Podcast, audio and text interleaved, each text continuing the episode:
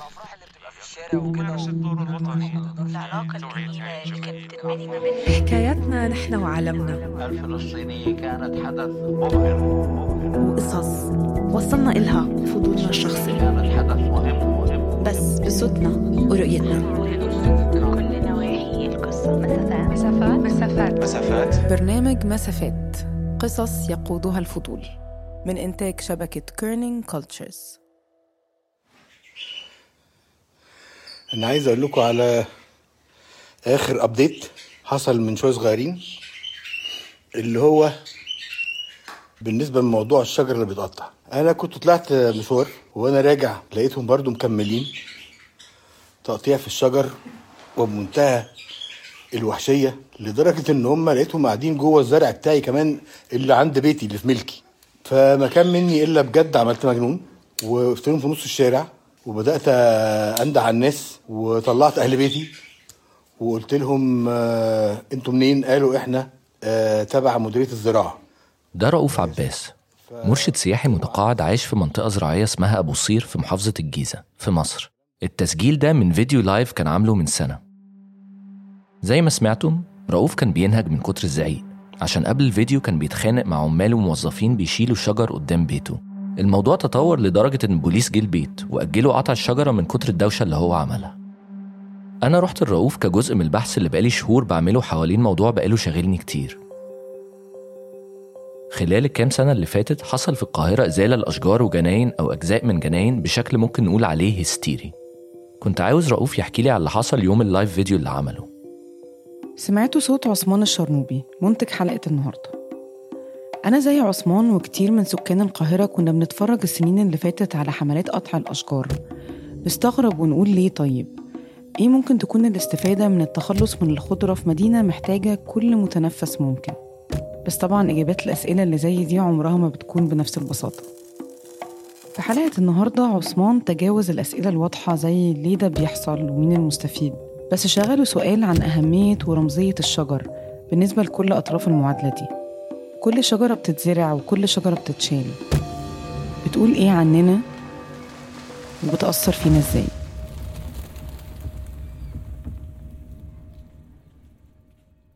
أنا هبة عفيفي وده بودكاست مسافات. حلقة النهاردة حلقة خاصة. تم إنتاجها بالتعاون بين شبكة Kerning Cultures وموقع مدى مصر. نرجع لعثمان وزيارته الرؤوف.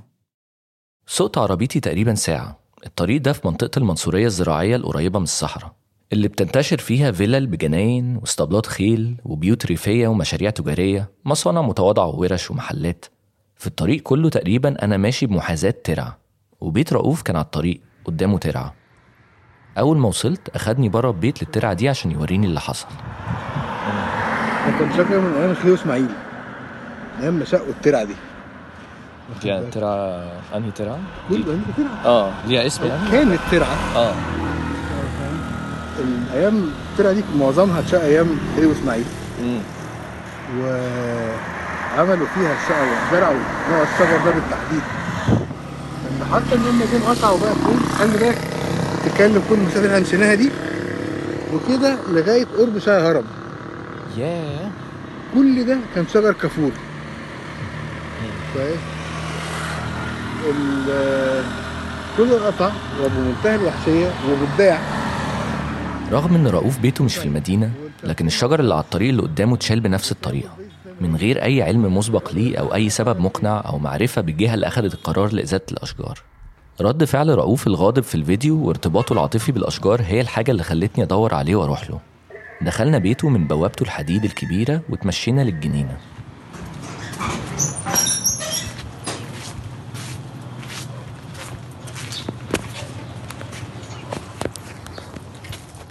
أنا سبت المدينة وجيت قعدت هنا عشان أقعد في براح وعشان أقعد في حتة خضراء وفيها هوا نظيف وبعدين أكتر حاجة لفتت نظري كانت الشارع اللي هم ذبحوه. الشارع ده كان ممتد مثلا من قول من عند مثلا بني يوسف لغاية قرب دهشور. كان عبارة عن صف شجر كافور على حرف ترعة حاجة زي الأفلام بتاعت زمان. المسافة اللي بيتكلم عنها رؤوف تقريبا 10 كيلو أو أكتر شوية. يعني لو ما بين كل شجرة واللي جنبها 50 متر فاحنا بنتكلم عن 200 شجرة. لو على الضفتين يبقوا 400 طفولة رؤوف كانت في المنصورة. المنصورة مدينة في الدلتا محاطة بالزراعة وكانت مليانة خضرة في الستينات. بيوصفها رؤوف إنها كانت جنة. جنة كان بيشوف فيها طبيعة خلابة. فيها الغزلان كانت ساعات بتعدي من قدام بيته. لما أهله نقلوا القاهرة في السبعينات كان رؤوف اتعلق جدا بالطبيعة. كان كل شوية يجيب حيوانات من الشارع يحاول يربيها في البيت. قطط أرانب. كانت مامته دايما بترفض. مرة ربى تعبان في البيت لمدة ست شهور. رؤوف عنده تعبان دلوقتي وبيربي خيول وكلاب في بيته اللي بناه عشان ما استحملش الحياة في المدينة. الجنينة اللي قعدت فيها مع رؤوف كانت واسعة ومحاطة بالأشجار. لكم أن تتخيلوا إحساسه لما لقى اللوادر والمناشير نازلين تقطيع في الشجر صباح يوم ربيع السنة اللي فاتت. وليه تتخيلوا؟ هو سجل اللحظة دي في فيديو لايف تاني. فجأة لقينا البلوة دي بتحصل. قاعدين يقطعوا في الشجر. مذبحة شجر. حرام. ده كفر. أنا عمري كنت ضد قرار للحكومة. بحب بلدي. وبحب حكومتي. لكن أنا متأكد إن اللي بيحصل ده قرار من أحد القيادات الوسطى. مش ممكن يكون جاي من حد بيفهم. من كذا سنة كنت ساكن جنب ميدان صغير فيه أشجار فايكس ضخمة جدا واصلين لرابع أو خامس دور في العمارات اللي جنبهم. كانوا تقريبا ستة أو سبع شجرات يمكن تمانية. عمرهم عشرات السنين. في يوم وأنا بمشي كلبتي لقيت عمال نازلين تقطيع في الشجر. وعربيات نقل بتحمل الخشب اللي العمال قطعوه حتت صغيرة وبيرصوه على العربيات بشكل منظم جدا. على جنب كان واقف راجل واضح إن هو المسؤول. لابس قميص وماسك جهاز لاسلكي السلطة باينة في وقفته. رحت له سألته بانفعال أنتوا ليه بتقطعوا الشجر؟ مش حرام كده؟ أكيد المشهد كان كوميدي بالنسبة له. أو على الأقل تقدير مزعج. شاب بيمشي كلب cocker spaniel نط له مرة واحدة في نص شغله محموق على شوية شجر. بس اتكلم معاه وقال لي دي تعليمات. وفي شجر هيتزرع مكان اللي اتشال والناس بتشتكي إن الشباب بيجوا يقف تحتيه ويشربوا مخدرات بالليل. اداني إيحاء إنه بيقول أي حاجة عشان يخلص مني. كأنه فعلا مش عارف ليه وبينفذ أوامر وخلاص. أو عارف بس مش هيقول. المهم آخر القصة انهم شالوا الشجر كله. والميدان نفسه شالوه. شوية شوية بنوا رصيف ضيق مطرح الجنينة وزرعوا في وسطيه صف الشجر. بس بكمية أصغر وقدامه عقود عشان يكون في جمال الشجر اللي قبله وسنين عشان يرمي ضل على الأرض. ووسعوا الشارع وبقى مركن عربيات. وأنا بقيت أمشي كلبتي في الشمس والغضب بياكلني. وأنا بفتكر الموقف ده حضرني اللي قاله لي رؤوف عن شعوره لما شاف الشجر بيتقطع. لكن فوقت بالمنظر ده فطبعا يعني أنا بعثت فيا الحياة من تاني على عايز أحارب علشان أدافع عن الشجر. آه فقلت لهم بصوا أنا ممكن أربط نفسي بس- بسلسلة في أي شجرة هتحاولوا تقطعوا اقطعوني معاها. أنا ممكن أعمل لكم زي في هولندا ما بيعملوا في أمريكا ما بيعملوا كل واحد فينا يربط نفسه بشجرة وجدعان اقطعونا موتونا مع الشجر. أنا جاي هنا عشان أتنفس هوا نضيف. الشجرة دي بتدي هي كانت بتديني الهوا. مشان أنا وكل اللي عايشين هنا وكل والبلد وال والبشرية كلها. الشجر ده هو اللي بيدينا الهوا. أنت لما بتقطعه كأنك بتقطع جزء من رئتي. أحد الأسباب الأساسية اللي خلتني مهتم بموضوع الأشجار ده هو إثارته المشاعر من النوع ده. حزن وغضب. استعداد للتضحية توصل لأن حد يقول إنه هيفدي نفسه عشان الشجر ما يتقطعش. انتفض أهالي مصر الجديدة وأصابهم الحزن على مذبحة للأشجار تتعرض لها الميريلاند الشهيرة. بيتم إزالة وتجريف جزء كبير لإقامة مراكز تجارية. أسمنت. أسمنت في وقت إحنا بنقول إزرع شجرة. عايزين الخضرة تعم مصر مع المناظر الجميلة. شهد حي مصر الجديدة بالقاهرة احتجاجات من السكان على قيام سلطات الحي بقطع الأشجار لإنشاء ثمانية جسور وهو الأمر الذي وصفوه بالمذبحة وأنه قضى على المساحات الخضراء والتراث المعماري للحي. الخليط بين المشاعر القوية تجاه الخضرة والأشجار في المدينة ومحيطها والغموض المحيط بالقرارات دي وعجز الناس إن هم يوقفوا الإزالات طرح أسئلة كتير جدا بالنسبة لي. في الأول كنت بسأل أسئلة تقليدية جدا هتخطر على بال أي صحفي ليه الحكومة بتشيل الشجر؟ ومين الجهات اللي بتقرر والجهات اللي بتنفذ؟ إيه علاقتهم بمقاولين الخشب اللي بيشتروه ويبيعوه؟ هل في فساد؟ وشكله إيه؟ ما كانش في إجابات واضحة لأن الموضوع بيختلف من مكان لمكان وليه أوجه كتير زي مثلا إن في شجر فعلا لازم يتشال عشان عمره بيتقدم أو بيصيبه أمراض ممكن يقع فيشكل خطر على أرواح الناس وممتلكاتها لكن في أشجار في كامل صحتها بتتشال بدون أسباب واضحة الأسباب لإزالة الشجر في مصر متعددة عشان توسيع طرق أو بناء كباري زي ما حصل في مصر الجديدة أو عشان تبطين الترع أو عشان مشاريع إنشائية الدولة بتعملها. بعد الكلام مع ناس كتير منهم نشطاء بيئيين ومهندسين زراعيين وموظفين حكوميين وناس متابعة الملف ده لاحظت إني لو مشيت ورا الخيط ده الخيط بتاع الأسباب المباشرة ليه الشجر بيتشال مش هوصل لحاجة. الإجابات واضحة الشوارع لازم توسع عشان السيولة المرورية الترع لازم تتبطن عشان هدر المية الجنينة مش محتاجة المساحة دي كلها وهنعمل مشروع بيدخل فلوس الدولة محتاجاها. أصحاب العمارة خايفين على عربياتهم. إلى آخره. وكانت النتيجة إني قررت أمشي ورا خيط أطول وأهم. يبدأ من بداية تشجير المدينة وعلاقة الحكام بالتشجير وعلاقتنا إحنا بالشجر. والأهم مصير الشجر في الشوارع بيعكس إيه عن علاقتنا إحنا بالسلطة كمواطنين. عشان أحاول أجاوب على الأسئلة دي ابتديت رحلة بحث. أول محطة فيها كانت أقدم من كل شجر المدينة. أقدم من المدينة اللي أنا عارفها دلوقتي كانت في القرن التسعة عشر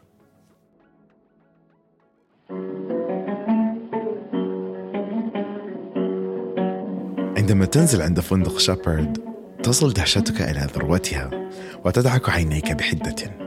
فالمعلم العظيم المميز للقاهرة القديمة حديقة الأزبكية فخر ومجد المدينة وقاطنيها قد اختفت تماما.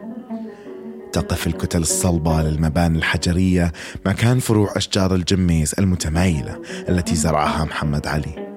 تتخلل البنايات البواكي كالتي نشاهدها في غود ريفولي بباريس. أكثر من ثلاثة أرباع المساحة التي كانت تشغلها الحديقة القديمة ذات الطبيعة الخالصة.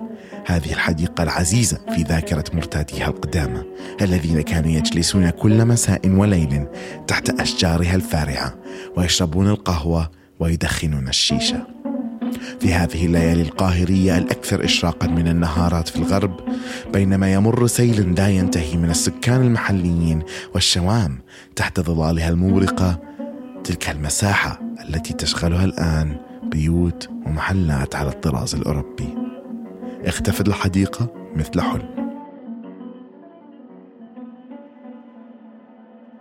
ده سرد عن القاهرة في كتاب 12 سنة 1877 لإدوين دي ليون القنصل الأمريكي في مصر في خمسينات القرن ال 19 ترجمته العامية كمان وأنا بكتب نص البودكاست. ولما قريته بالعامية بقيت متأكد إني لو بدلت أسامي الأماكن دي لأماكن معاصرة أي حد هيقرأ هيفتكر إني بتكلم على اللي بيحصل النهاردة. دي ليون كان بيتكلم عن زيارة عملها لمصر بعد رحيله عنها لمدة عشر سنين لما كانت مصر تحت حكم الخديوي إسماعيل.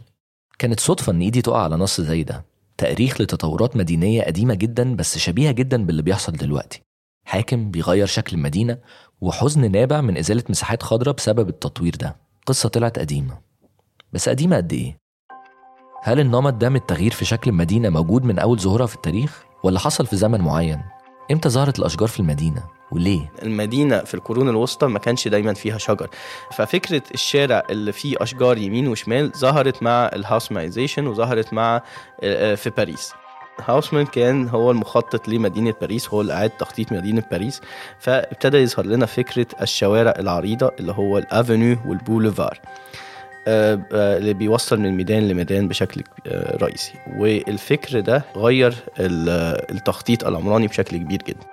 أنا اسمي محمد العزازي أنا دكتور في الأكاديمية العربية للعلوم والتكنولوجيا في قسم معمارية وتصميم بيئي.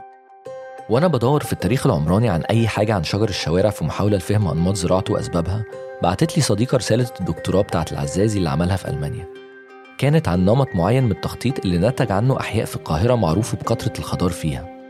عرفت أوصل لعزازي ووافق إنه يجيلي البيت نسجل حوار. العزازي حكالي كتير عن تاريخ تطور القاهرة في فترة مهمة في تاريخها. الخديوي إسماعيل مؤسس القاهرة الإسماعيلية أو الخديوية ممكن تخمنوا اسمها كده ليه؟ اللي بدأ يحكم مصر سنة 1863 كان مهتم جدا بتحديث مصر عشان تكون شبه أوروبا. واتبنت في عصره المباني الفخمة اللي لحد دلوقتي بتدي لمنطقة وسط البلد في القاهرة الطابع الخاص بتاعها والناس بتبص عليها وتقول كأنك ماشي في باريس. زي ما العزازي قال الفكرة كانت إن القاهرة تبقى شبه باريس بجد. الخديوي إسماعيل زار باريس سنة 1967 لما دعاه الإمبراطور نابليون الثالث للمشاركة في المعرض العالمي ال exposition universelle. المعرض ده شاركت فيه دول كتير وعرض فيه الفرنسويين التحديثات المهولة اللي حصلت في باريس في نص القرن ال 19 ومنها التغييرات اللي قادها مخطط مدينة باريس جورج هاوسمان. هاوسمان استقبل الخديوي بنفسه وفرجه على المدينة على مر أيام. الزيارة دي بيعتبرها مؤرخين كتير محورية في الخطط اللي حطها الخديوي إسماعيل وعلي باشا مبارك اللي تم تكليفه بإنشاء مدينة جديدة على النمط الحديث. مدينة متوصل ببيوتها مية وغاز شوارعها واسعة وفيها ميادين وجناين. وقت ال Haussmannization بتاع القاهرة وبناء القاهرة الخديوية ظهرت بقى فكرة المتنزهات وظهرت فكرة التشجير اللي في الشارع. ما كانش ده موجود قبل كده. فدي بداية ظهور هذا النوع من أنواع فكرة وجود parks أو gardens ما كانش فيه الفكر ده قبل كده. الإصرار لتحديث القاهرة على النمط الفرنسي ظهر في إن خديوي يستورد مهندسين عمارة مناظر طبيعية اللي بيتقال عليهم بالإنجليزي landscape architects اتشهروا بشغلهم في باريس هاوسمان عشان يصمموا جناين ويشجروا الشوارع في القاهرة. جان بيير باريليه ديشان والمساعد بتاعه جوستاف ديلشيفاليري كان ليهم أثر كبير جدا على شكل القاهرة في الوقت ده.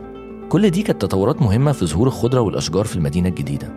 القاهرة الإسماعيلية أو الخديوية اللي أسست المدرسة الجديدة للتخطيط العمراني في مصر في الوقت ده. لكن بالتوازي مع التطور التاريخي ده حصل تطور تاني مهم جدا أدى لظهور أحياء جديدة مختلفة عن القاهرة الخديوية. كانت الخضرة برضو جزء أساسي في إنشائها. التطور التاني ده بدأ من خلال نقطة سوداء في تاريخ الخديوي إسماعيل. بعد الفاصل هنتكلم عن الوش التاني للتطوير اللي حققه الخديوي إسماعيل. رجعنا تاني. التخطيط العمراني الحديث لمدينة القاهرة اللي اهتم بيه الخديوي إسماعيل كان ليه تبعات تانية وهي إنه أدى لتراكم ديون مهولة على مصر لصالح بنوك أوروبية. نكمل مع الباحث العمراني محمد العزازي. حصل إفلاس لمصر تم نفي الخديوي إسماعيل وبقى في حماية آه، على مصر من أكبر دول المدينة على رأسهم فرنسا وإنجلترا وتم تولي خديوي توفيق ابنه مكانه. كل شيء اتغير في الوقت ده. وابتدت إنجلترا وفرنسا تتدخل في إدارة ال- الدولة المصرية. فأحد أهم القرارات اللي تم أخذها إن يتم بيع الأراضي وتملك الأراضي في مصر سواء الأراضي الزراعية أو الأراضي اللي يتم استصلاحها بعد كده إن هي تبقى أراضي استثمار عقاري. محمد علي مؤسس مصر الحديثة وجد الخديوي إسماعيل كان عمل تغييرات في حيازة الأراضي الزراعية خلت الدولة متحكمة فيها بشكل مطلق. لكن بسبب ديون الخديوي إسماعيل حصلت تغييرات كانت نتائجها إن أراضي كتير كانت ملك الدولة وأراضي تانية كانت ملك الخديوي اتباعت لمستثمرين عقاريين. كتير منهم بنوك رهن عقاري أوروبية وده أدى لبداية حركة عمران جديدة نتج عنها أحياء مشجرة. الحركة دي اللي هي جت بعد الخديوي إسماعيل بشوية كانت مبنية على فكر بريطاني عن تخطيط ما يسمى بالضواحي الخضراء أو الجاردن سابربس ودي أحياء زي ما العزازي شرح لي فكرتها إنها تكون مناطق سكنية بعيدة عن وسط البلد. الناس بتعيش فيها بهدوء بعيدا عن زحمة المدينة وتكدس العمارات اللي فيها وسكانها يروحوا شغلهم في وسط المدينة من خلال قطر أو ترام. حاجة كده شبه الكومباوندز دلوقتي لكن من غير أسوار. وبدل العربيات اللي كان وجودها محدود جدا وقتها كان التنقل بيكون بوسائل نقل جماعية. العزازي أشار إنه أحياء قاهرية زي المعادي ومصر الجديدة نشأت من خلال التطورات دي. تطورات في ملكة الأراضي وتطورات في الفكر العمراني. وبطبيعة الأمر لأن الأحياء دي أنشئت بعد تطور التخطيط العمراني على الشكل الأوروبي في مصر وفي العالم الشوارع بتاعتها جت بشجرة. ده الشجر اللي كان موجود في المعادي وحلوان في الوقت ده وكان بيتم زراعته بنفس الطريقة زي اللي شوفاريه عملها إن هي الشجر سبعات تمانيات عشان يوفر ضلة للشارع ويوفر ضلة للناس اللي إيه ماشيين على رجليهم على ال footway. يعني بنقول الشارع بيتقسم لمسار مشاة الناس تمشي على رجليها footway ومسار للعربيات سواء العربيات اللي هي بتجرها الحصنة أو العربيات اللي بعد كده في الوقت ده ابتدى يبقى فيه الأوتوموبيل تبقى ماشيين في شارع مضلل مش إن الرصيف بس هو اللي مضلل. في المدينة القديمة كانت البيوت مبنية قريب من بعضها وهي اللي بترمي ضلتها على الشوارع والأزقة الضيقة. لكن في المدينة الجديدة اللي الشوارع فيها متخططة عشان تمشي فيها عربيات وكاريتات والأرصفة عشان يمشي عليها الناس الشجر هو اللي بيوفر الضلة للناس اللي ماشية أو راكبة كاريتات يعني الساكن أو المستخدم للشوارع دي كان جزء من المعادلة. اللي بيأكد على ده حاجة العزازي شرحها لي. عشان مصر حر الشجر اتزرع بشكل زجزاج ما بين الناحيتين بتوع الشوارع عشان يضلل أكبر مساحة. عكس اللي حصل في باريس الشجر هناك كان قدام بعضه عشان يكون في مساحات للشمس تنزل عشان هناك برد. يعني الموضوع كله ما كانش صدفة ما كانش النقل من أوروبا عمياني. التطور ده بالتوازي مع تطورات تانية زي إنشاء حدائق جديدة في القاهرة خضر المدينة. كان في تطور تالت كمان في شكل البيوت في العصر الحديث أدى لزيادة الشجر في الأحياء الجديدة دي.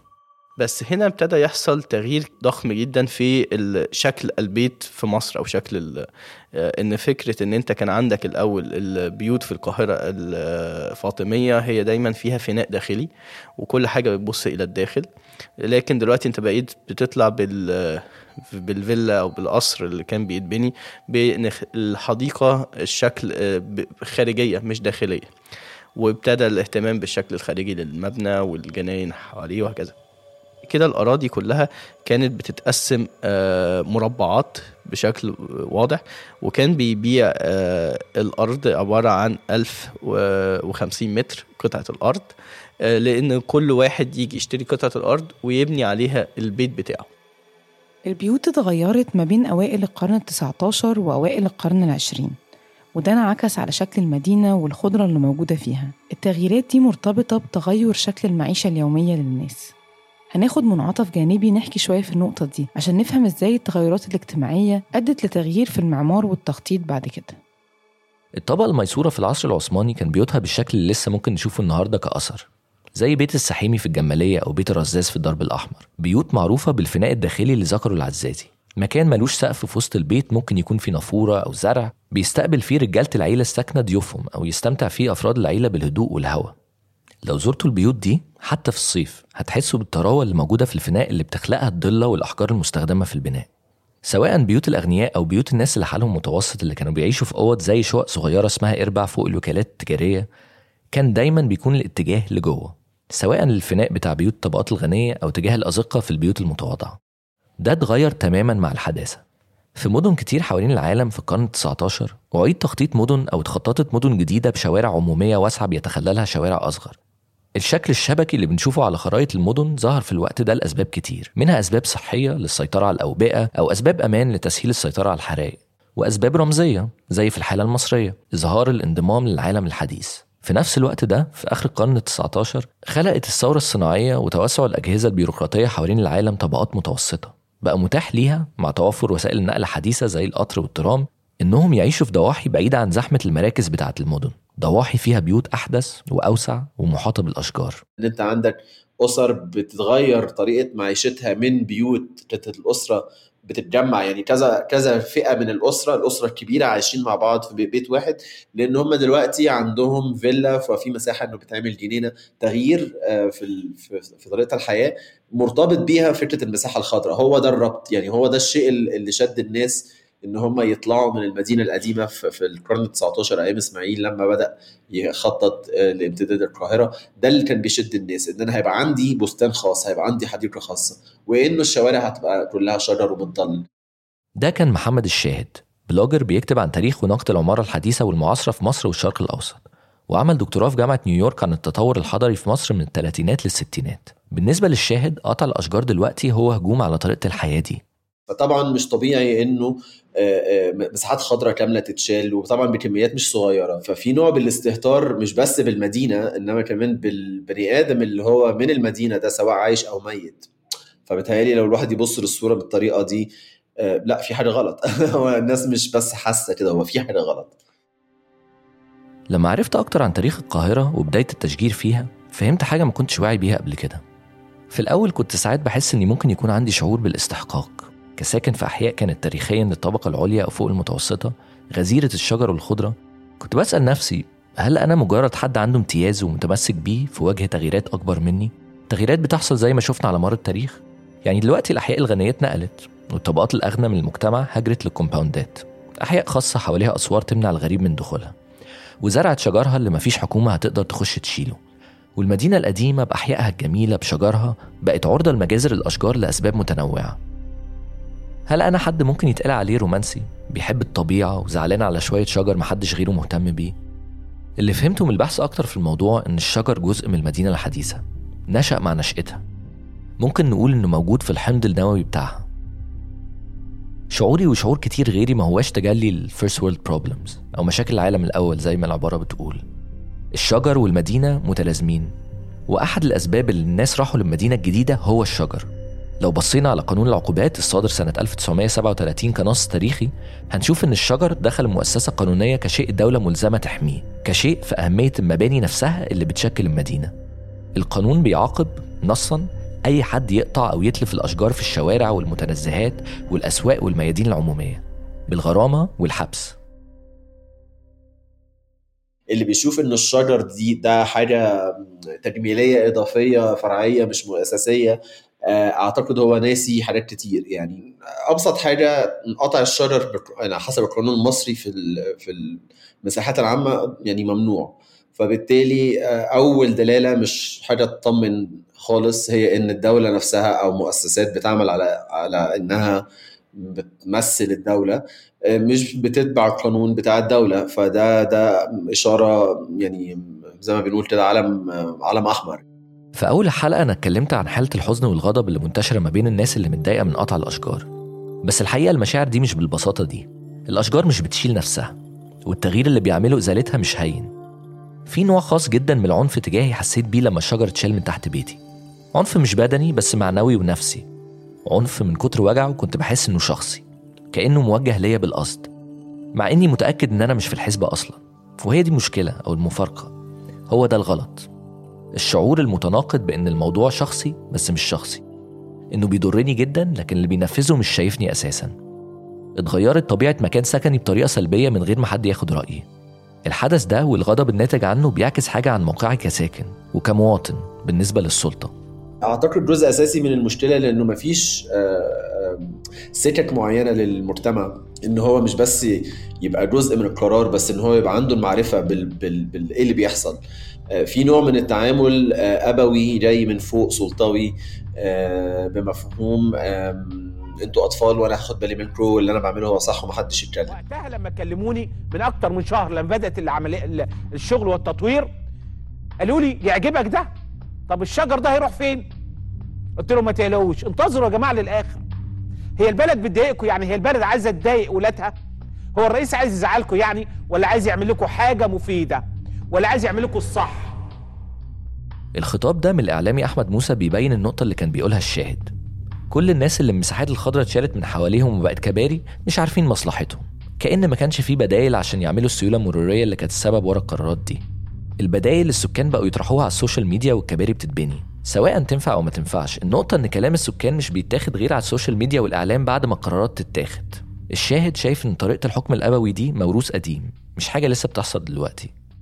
وانتوا مش مهم رأيكم إيه وايه يعني شوية شجر وايه يعني شوية بيوت. الدولة الحديثة أو اللي هي اللي إحنا شايفينها موجودة في كل المناطق اللي كانت يعني آه، محتلة في القرن ال 19 مستعمرة مستعمرة في القرن ال 19 لحد نص القرن ال 20 اللي طلع منها أنظمة سياسية حاكمة غالبا بسلطة يعني قوية شوية وبتعمل حاجات آه، من غير- رغبة المجتمع. والمجتمع ملوش آه، طريقة إن هو يعبر فيها عن نفسه في القرارات اللي هي بتأثر على حياته اليومية زي الشارع بتاعه أو أو المنطقة بتاعته أو المدينة بتاعته.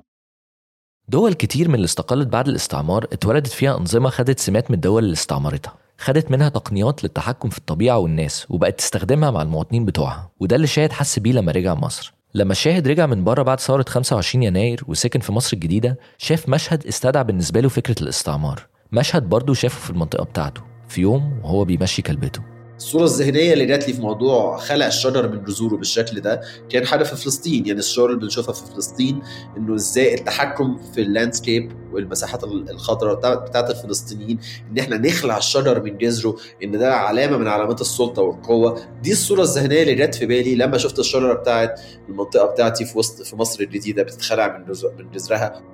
يعني أنا حسيت في اليوم ده لما شفت الشجرة بعينيا اللي هي عمرها على الأقل زي- ما بقول لك من 60 ل 80 سنة بتتشال بنفس نوع ال trucks اللي اسمها Cat Caterpillar اللي هي بتستخدم في كل مناطق العالم في الهدم ومعروفة طبعا إن هي بتستخدم في في إسرائيل وفلسطين بالذات في الهدم. ال Caterpillar دي نفسها بالنسبة لي symbol أو أو أو رمز destructive فإن أنا أشوفه في الشارع بتاعي مش في الأخبار في بلد تانية بيخلع شجرة من جذرها والعامل اللي واقف مش من المنطقة وأهل المنطقة يا إما واقفين بيتفرجوا من البلكونة حاطين إيدهم على خدهم يا إما مش بيبصوا أصلا. إحساس غريب جدا. زي ما الشاهد قال الموضوع أكبر من شجر ومقابر وطرق. الموضوع مرتبط بالسلطة وطريقة إدارتها للأماكن العامة. الموضوع بعبارة أخرى سياسي. الشجر ما هواش بس خشب وزرع وضلة وأكسجين. الشجر داخل في صميم سلامتنا إحنا كبني آدمين. وحقوقنا كمواطنين. الدولة أكدت في كذا مناسبة إنها اتبعت كل الإجراءات القانونية لما شالت الشجر لكن السكان بيقولوا لأ. الجدل ده بينقلنا لحتة مهمة في القصة.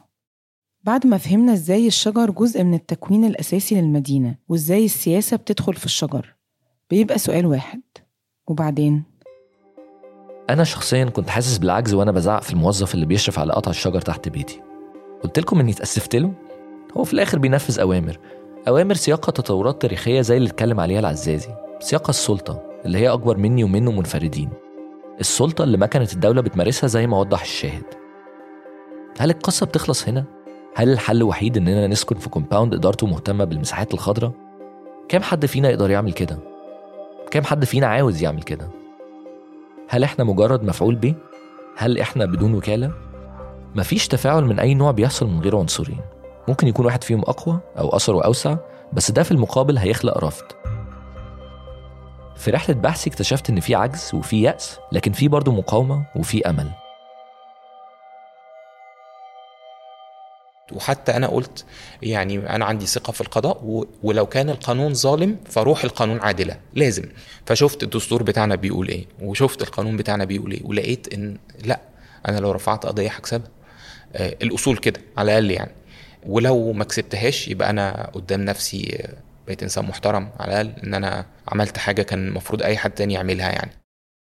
أنا اسمي وليد منصور وأنا بشتغل في مجال البيئة والتنمية المستدامة من أكتر من عشر سنين. وليد رفع دعوى قضائية ضد قطع الأشجار مع المحامي البيئي أحمد الصعيدي وناس تانية من سكان مصر الجديدة. طفولتي قضيتها في في اليمن. ال- اليمن زي ما أي حد عارف إن ما فيهاش أي سبل للترفيه أو يعني اللي بنسميه الإنترتينمنت للأطفال. غير الحاجات التقليدية جدا اللي هي ما كانتش بتشدني يعني. آه، فأنا كنت بقضي أغلب الوقت في الجنينة الجنينة بتاعت البيت. آه، الجنينة دي كان فيها شجر وكان فيها فراشات وكان فيها حشرات وكان فيها كل حاجة. فالحقيقة إن هم دول كانوا صحابي. ف وكبرت بال... بالمفهوم ده. هو الحقيقة يعني أنا من من وأنا صغير آه، كنت ساكن في شبرا آه، في مكان آه، يعني في شارع اسمه مجمع المصانع. كان مليء بالمصانع ومليء بتلوث الهواء الغير عادي. فمن وأنا صغير فعلا بستغرب هو ليه المداخن دي كلها موجودة في المكان ده. ده من ساعتها وأنا مهتم جدا إزاي نغير ده. أو إزاي نعمل أي حاجة تغير ده ده كان أحمد الصعيدي. محامي بيئي رفع دعوى قضائية ضد قطع الأشجار مع وليد منصور وناس تانية من سكان مصر الجديدة. رفعنا الدعوة وبالفعل رفعناها قدام القضاء الإداري علشان خاطر نحاول نلزم ال- الدولة أو نلزم آه، أصحاب المشاريع دي إن هم ما يعملوش أي قطع للأشجار أو تقليل المساحات إلا بعد إجراء تقييم الأثر البيئي. جلسة نظر الدعوة كانت في قاعة محكمة زي اللي بتشوفوها في التلفزيون في مبنى مجلس الدولة في حي الدقي قريب من كورنيش النيل. كان في مفارقة دمها خفيف مرتبطة بالقضايا اللي كانت بتنظر اليوم ده. لأن الدايرة الأولى في محكمة القضاء الإداري زي ما شرح لي الصعيدي بتنظر دعاوي مرتبطة بالحقوق والحريات. وكانت القضايا اللي المحكمة بتنظرها قبل ما دور دعوة الصعيدي تيجي تبدو أكتر أهمية وخطورة. دعوات مرتبطة بمعتقلين. كان فاكر برضو إن كان في دعوة ضد رفع رسوم على طريق القاهرة السويس من ناس ساكنة على أطراف القاهرة. كانوا شايفين إنهم مش المفروض يدفعوا. حاجة مختلفة شوية عن الشجر. المحكمة طبعا كانت آه، بالنسبة لها الموضوع غريب جدا. آه، محكمة القضاء الإداري هي اللي كانت بتنظر الدعوة الدايرة الأولى. فيها تقريبا من أقدم مستشاري مجلس الدولة فكان بالنسبة لهم إحنا كنا متوقعين إن أثناء الجلسة طبعا يعني الناس أكيد هيبقى في آه، استخفاف بالموضوع أو عدم اهتمام بالموضوع آه، لا سيما أشجار وهم بينظروا نزاعات كبيرة جدا. فكان جزء من شغلنا الشاغل إن إحنا إزاي نقنعهم أو نوصل لهم فكرة إن الموضوع كارثي يعني. وبالفعل يعني إحنا في أول جلسة كانوا بيقولوا شق عاجل خاص بالأشجار فكان أشبه يعني إن المستشار رئيس الدايرة كان يعني آه يعني قرب يضحك من فكرة إنتوا جايين ترفعوا دعوة بالأشجار. بس في الآخر المحكمة فهمت جدية الموضوع. وبالفعل انتدبت خبير عشان يكتب تقرير عن صدور أو عدم صدور تقييم الأثر البيئي. الناس بتبادر حتى لو بمجرد إنها تعمل دوشة. الدوشة حتى لو كانت بس على ال social media ممكن يكون ليها تأثير. ده اللي حصل مثلا في حي المعادي. الحي المشجر اللي اتبنى في حركة garden suburbs اللي اتكلمنا عليها قبل كده.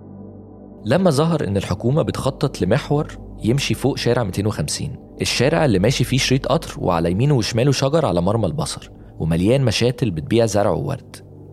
النية ظهرت لما الحكومة ابتدت تكلم أصحاب المشاتل عشان يشيلوها. لسه مش واضح المحور ده هيتعمل في شارع 250 ولا الموضوع بس اتأجل لكن الموضوع وقف بعد الضجة دي. وحصل مبادرات تانية في أحياء تانية زي الزمالك. المبادرة اللي عملتها جمعية الزمالك إنهم يوثقوا الشجر بتاع الحي كله عشان كل شجرة تكون معروفة معروف مكانها ونوعها وحالتها. في المعرفة قوة اللي نعرفه كويس هنخاف عليه ونحميه. يعني ده كان المنطق بتاعهم.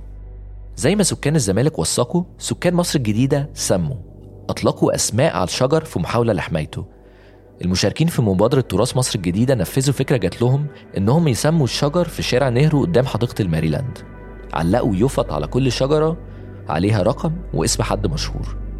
ميرفت أمين نجيب محفوظ عمرو دياب حتشبسوت كمال الشناوي عزة فهمي جمال عبد الناصر عبد الفتاح السيسي.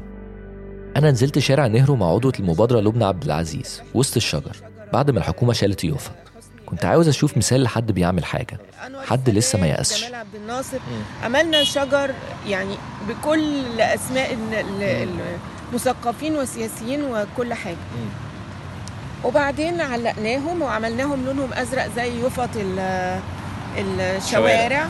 وكان شكلها لذيذ جدا وكان ما فيهاش أي حاجة شوي ولا أي حاجة.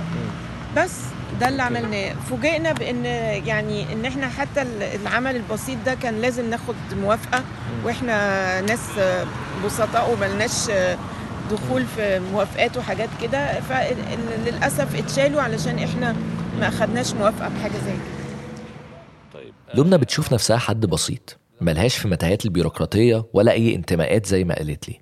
أنا تخيلت إن حد زيها ممكن يكون اتصدم لما يفط تتشال تاني يوم بعد ما ركبوها. يعني ما لحقوش حتى يشوفوا هتنجح في جذب اهتمام الناس ولا لأ.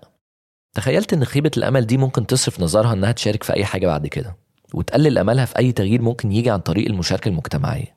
من خلال إن الناس تقاوم القرارات اللي بتتاخد بشكل تعسفي وتضرهم حتى من مبادرات بسيطة وغاية في السلمية وخفة الدم.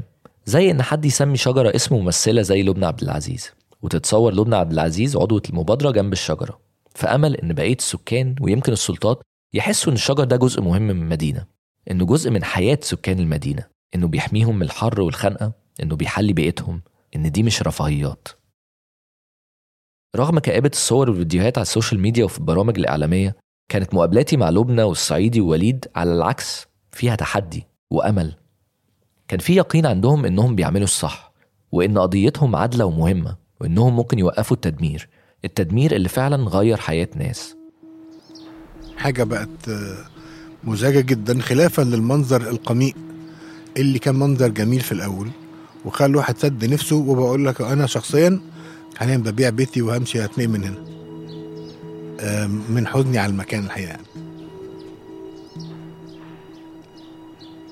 فأنا بالنسبة لي اللحظة دي كانت يمكن لحظة. يعني كانت يمكن دي بداية النهاية بالنسبة لي أنا لازم أمشي من أنا لازم أمشي من مصر الجديدة واحتمال من القاهرة كلها وده اللي حصل. ده كان رؤوف عباس في الأول وبعدين محمد الشاهد. أنا نفسي نقلت من المكان اللي كنت عايش فيه جنب الميدان اللي كان فيه شجر. نقلت لأسباب تانية بس لما دورت على شقة تانية أسكن فيها صممت إنها تكون بصة على شجر. والحمد لله ربنا وفقني. لو الشجر اللي حوالين شقتي دلوقتي اتشال وده وارد أنا كمان هنقل. لكن كام حد عنده الرفاهية دي؟ كام مصري ومصرية عندهم الأوبشن إن هم يلموا عزالهم ويمشوا أو يسكنوا في مناطق فيها خضرة من الأساس؟ يمكن عشان كده المساحات الخضراء القليلة اللي فاضلة تستحق الدفاع عنها. الجناين العامة والشجر اللي في الشوارع العمومية والجانبية ممكن يعتبر آخر خط دفاع ضد التلوث ضد الزحف الأسمنتي ضد الحرارة في الصيف والتراب في الخماسين ضد كآبة زحمة المدن.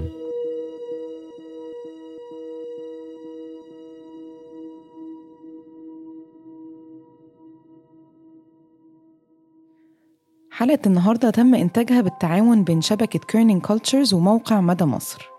الحلقة من إنتاج عثمان الشرنوبي تحرير ألمع عنتبلي وأنا هبة عفيفي مونتاج صوتي أماني عادل تصميم صوتي منذر الهاشم تدقيق حقايق إيمان الشريف تصميم جرافيكي أحمد سلهب فريق التسويق بيلا إبراهيم وسمية أبو عبد الله إذا عجبتكم الحلقة يا ريت تشاركوها مع أصحابكم خاصة اللي لسه ما اكتشفوش عالم البودكاست. وتعملوا اشتراك في قناة البرنامج على أي منصة بودكاست بتستعملوها وتعملوا تقييم للحلقة.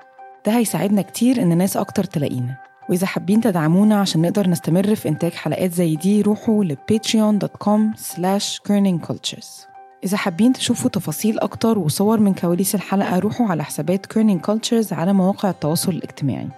ساعدنا بالتعاون في الحلقة دي مع موقع مدى مصر الإخباري اللي بيقدم صحافة مستقلة وحرة وتغطية عميقة وخلاقة من داخل مصر.